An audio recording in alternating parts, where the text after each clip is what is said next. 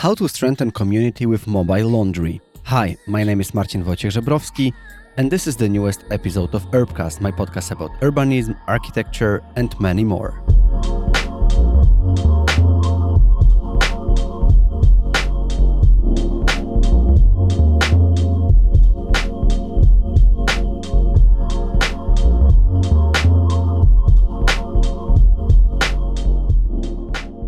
Welcome to the newest episode of Urbcast.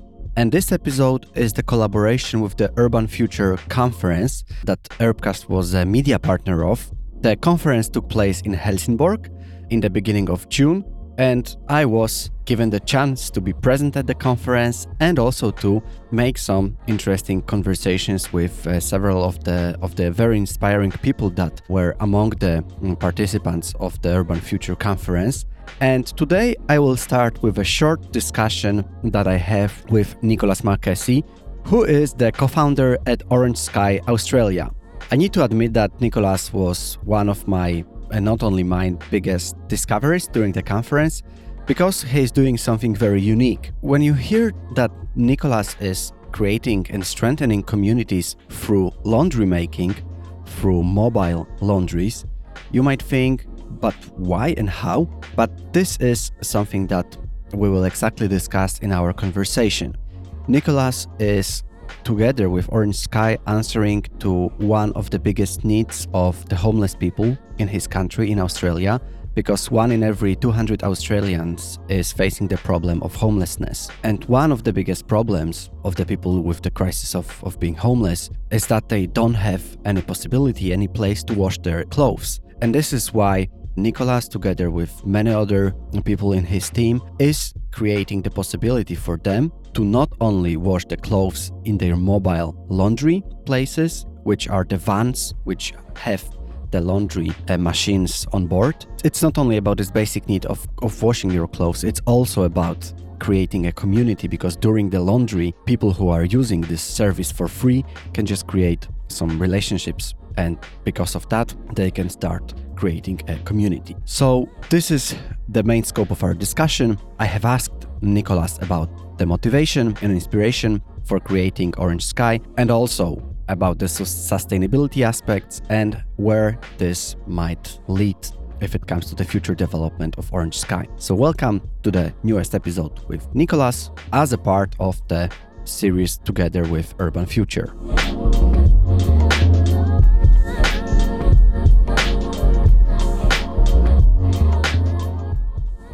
Hi. G'day, how you doing? Hi, Nicholas. I'm, I'm very inspired by your work. I just happened to meet you this morning at the press conference when you've been talking about your project Orange Sky.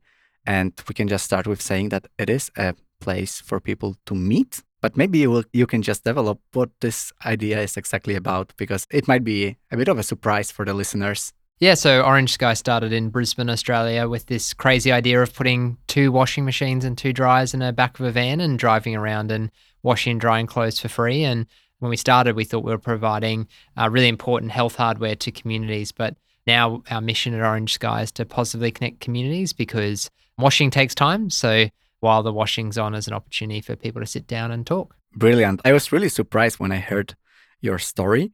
And just please say something more about the inspiration behind it because it's not very often that people think, okay, what, what other people uh, might have problems with? And if it comes to the to washing of your clothes, it's something that people don't think much on a daily basis until they have a problem with that, right? So, what was your inspiration? Yeah, so I guess um, growing up in a very privileged household, um, didn't realize that you know that thing that um, is important to to human life, like uh, good hygiene or human connection, um, is something that I had overlooked until um, I realized that there were people out there in my own backyard that didn't have access to that. So, uh, through speaking with people out on the streets of, of Australia, realizing that people didn't have a place to wash clothes and, and mm. now still don't have places for to connect and, and you know a lot of people that we help may only talk to a volunteer from Orange Sky um, as their only piece of connection um, in a day. So I guess the the inspiration for, for us started with providing the service, as in the the washing, but now it's around how do we provide opportunities for people to feel safe and comfortable to to connect. Basically, if you were to say shortly about your idea, it is that you provide washing service for free for the people that need that,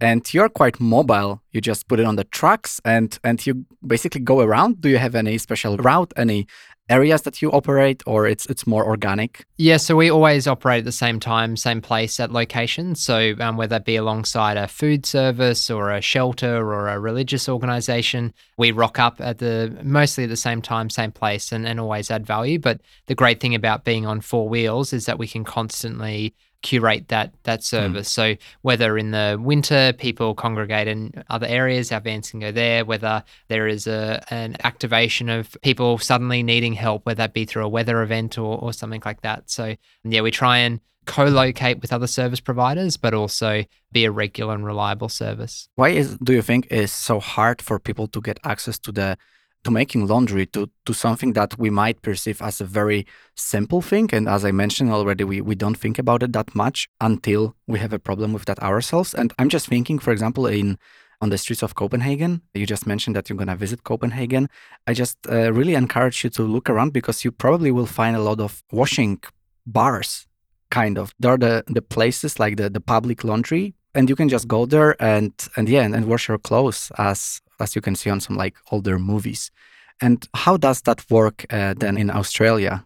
Yeah, so um, you know everyone needs washing, whether you have a roof over your head or whether you are uh, on a massive salary or, or, no salary. So you know the necessity and the the need is is always going to be there. The access to that is a, a, big barrier. So whether that be location and proximity, whether it be cost, whether it be shame, there's so many different factors that, that come into play. But mm. um, what we um, majorly do at, at Orange Sky is build our service in a van, but that's actually a very expensive way to deliver a service. So, you know, we have services that run as a, a laundromat model. And I think that's the the great thing is that you know these laundromats that are already a functioning asset that is maybe a business for a local operator. Um, is there an opportunity during the downtime to make that more accessible to people who don't have access to it at the moment? And that might be through having a students night on a thursday because students don't like washing or whether it and then they can talk about you know study or uh, whether it be on a you know a, a monday night uh, in Australia, women over the age of 55 are the highest rate of emerging homelessness. And, um, you know, can we provide a safe space that people feel uh, welcome to on a Monday night in a laundromat in Copenhagen for people to, to wash their clothes, but more importantly, mm. um, you know, maybe learn something or, or connect? I like to talk about these aspects of city making and very different aspects. Um, my podcast is not about architecture or urbanism only. It's about things like, for example, food waste in our cities or basically a problem of access to a place where you can wash your clothes. And as you said, this is kind of a basic human need to to get something fresh and also clean on yourself. But as you also mentioned before, at least it feels like the washing thing, it kind of becomes an addition to the social value for the people being able to meet at your place and they feel safe and they kind of feel this sense of, of belonging.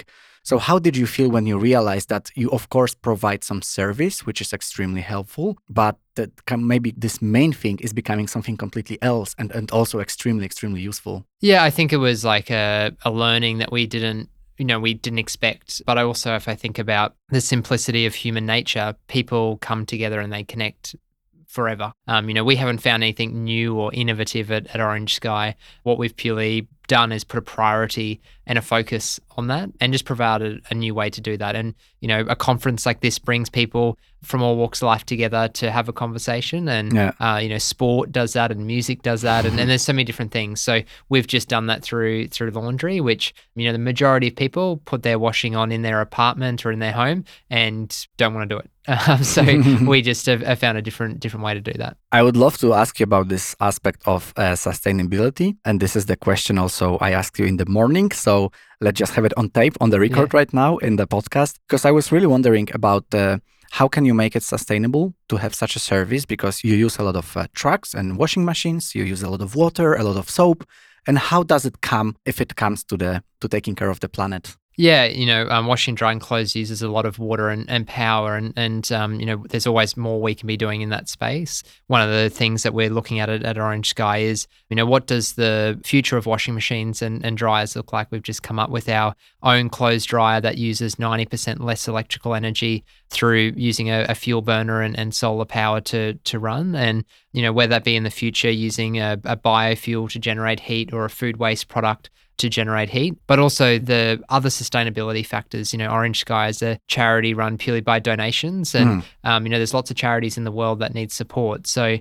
know, if every year we need to make millions of dollars to operate, how do we make sure that in 10 years' time there are organizations out there that will need money and Orange Sky will need money, and how do we we operate in that space? So that's where we start to look at our efficiency of saying, well, washing and drying clothes in a van is much more expensive than you know in a in a household. Um, but mm. also what is the cost of you know someone who has a poor quality of life? And these are you know some metrics that we can measure and some we can't. Um, but i think the intent there is to wrap around orange sky's ethos of you know innovation. We use the the idea that orange sky came from having an idea and doing something about it. And um, at the moment we want to do something about the environmental impact we're having. Mm it strikes me in a positive way how you can be inspired by your own work that you you start somewhere and then you provide a service you you help people and then there are some different aspects about how to make it even more sustainable or more efficient and also feasible. My question is also about the feasibility because first I was wondering, of course, about how you operate and how you fund your your initiative, and you actually, I guess, uh, answered that question already. But how is it if it comes to working with with partners and also with the cities because you operate within some frameworks, right? Yeah, what, what we try and do is be as simple to interact with as possible. And that's everything from, you know, our vans automatically put detergent in, and uh, there's a lot of automation in the asset. So, you know, a volunteer can just rock up and, and talk to someone. So, from a design perspective, I think what we've been able to do is design our service to interact with people and cities and humans and frameworks in a really light touch way, um, but also acknowledge that homelessness is very polarizing and we have a responsibility to play to interact with that that there is not too much of a detrimental impact on one cohort or the other. So you know we take the seriousness of how we look after our volunteers or how do we look after a space that you know if orange sky is making a space more uh, vibrant then we are um, hopefully adding value to the community. But also if we are negatively impacting that how do we make sure we're constantly changing it? Mm. so i guess we've been able to design that that our uh, vans have washing machines on board uh, sorry water tanks on board board and the batteries and solar panels on board that they can operate uh, without needing to need a permit or plug in, but also um, there's more we can do in that space. Do you consider yourself um, a city maker and, and also like a placemaker? Because it sounds to me sometimes as there are some um, ideas that people start implementing in given space and they're they are often temporary so it might be a truck coming or it can be some temporary architecture and it changes the the place and I understand that this is something that you do as well as a maybe side effect of your work. So, do you perceive yourself as someone who is changing and influencing the city, or you would just rather stick to to just your your um, one thing? Yeah, I, I, would say we build communities, and communities have different forms and factors, and you know we are um, purely a curator to that space. So I think what we are, are, doing is providing the the infrastructure for and the magnet to bring people together. But there is consistency in some of that. Usually, it's with a, a van with washing machines and, and orange chairs, but there's also this beauty that comes in the human nature of it might be a very cold day and people can empathize on that or there might have just been a sporting team win the night before and there's you know excitement about that and I, I, think that's the the great thing about our our spaces that we facilitate is that they're forever changing and, and mm. that's something that will continue to be a part of, of mm. what hmm. we do and if it comes to the growth part because i assume you started with one truck only with with a washing machine and just trying out the idea but now uh, the numbers are bigger can you say what, what the numbers are right now? And do you have any plans for even increasing the, the scope of your operations? Yeah, so um, we're, we're turning eight years old this this year, and um, we'll we've washed and dried over two million kilos of, of free laundry. Wow. And now have trucks that have got showers on board and, and provided nearly 30,000 showers. But we've got, yeah, 36 um, vehicles in Australia and four over in New Zealand. And they're also supported by fixed assets and, and little um, mobile pods and stuff like that. I think our, our future at Orange Sky will always be around um, bringing people together um, with those really essential services. But if that's laundry or showers or you know access to other hygiene services or nothing at all, and just coming to to hang out and being a beacon for a place for for someone who wants to talk to someone to mm. do that, the future will tell that. We are at the Urban Future Conference, so maybe on this ending note, let's talk about the future. Do you see Orange Sky being even a bigger organization that is maybe turning into something that is more like physically attached? So maybe there in the future there are no more cars but you start building facilities or as i mentioned that the laundry laundry places like in copenhagen like laundry bars or would you think that then you would lose uh, kind of your soul if you lose the mobility yeah, I think the mobility is important, but also, like I mentioned, it's a very expensive way to to operate, and the world is changing and cities are changing. So, you know, using assets and um, increasing our efficiency and our impact is something that is definitely going to need to happen in the the future. Also, the you know the future of laundry might change, um, and that might become quicker or you know uh, a different technology there. So, definitely, we're not tied to having um, our service linked to a, a vehicle. We we do have bricks bricks and mortar facilities at, at the moment. We also now run services that we don't own the asset. So partnering with a, a, laundry bar, like you mentioned, and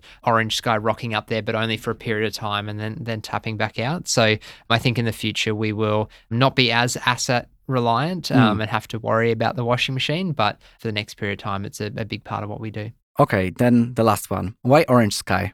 Yeah, so um, Orange Sky is a song by a, a singer songwriter called Alexi Murdoch. And um, the song talks about everyone being under an orange sky and supporting your, your brothers and sisters. And Lucas and I really liked the name when we started, and we named it after that song. Amazing and very inspiring. Thank you, Nicholas. Thank you.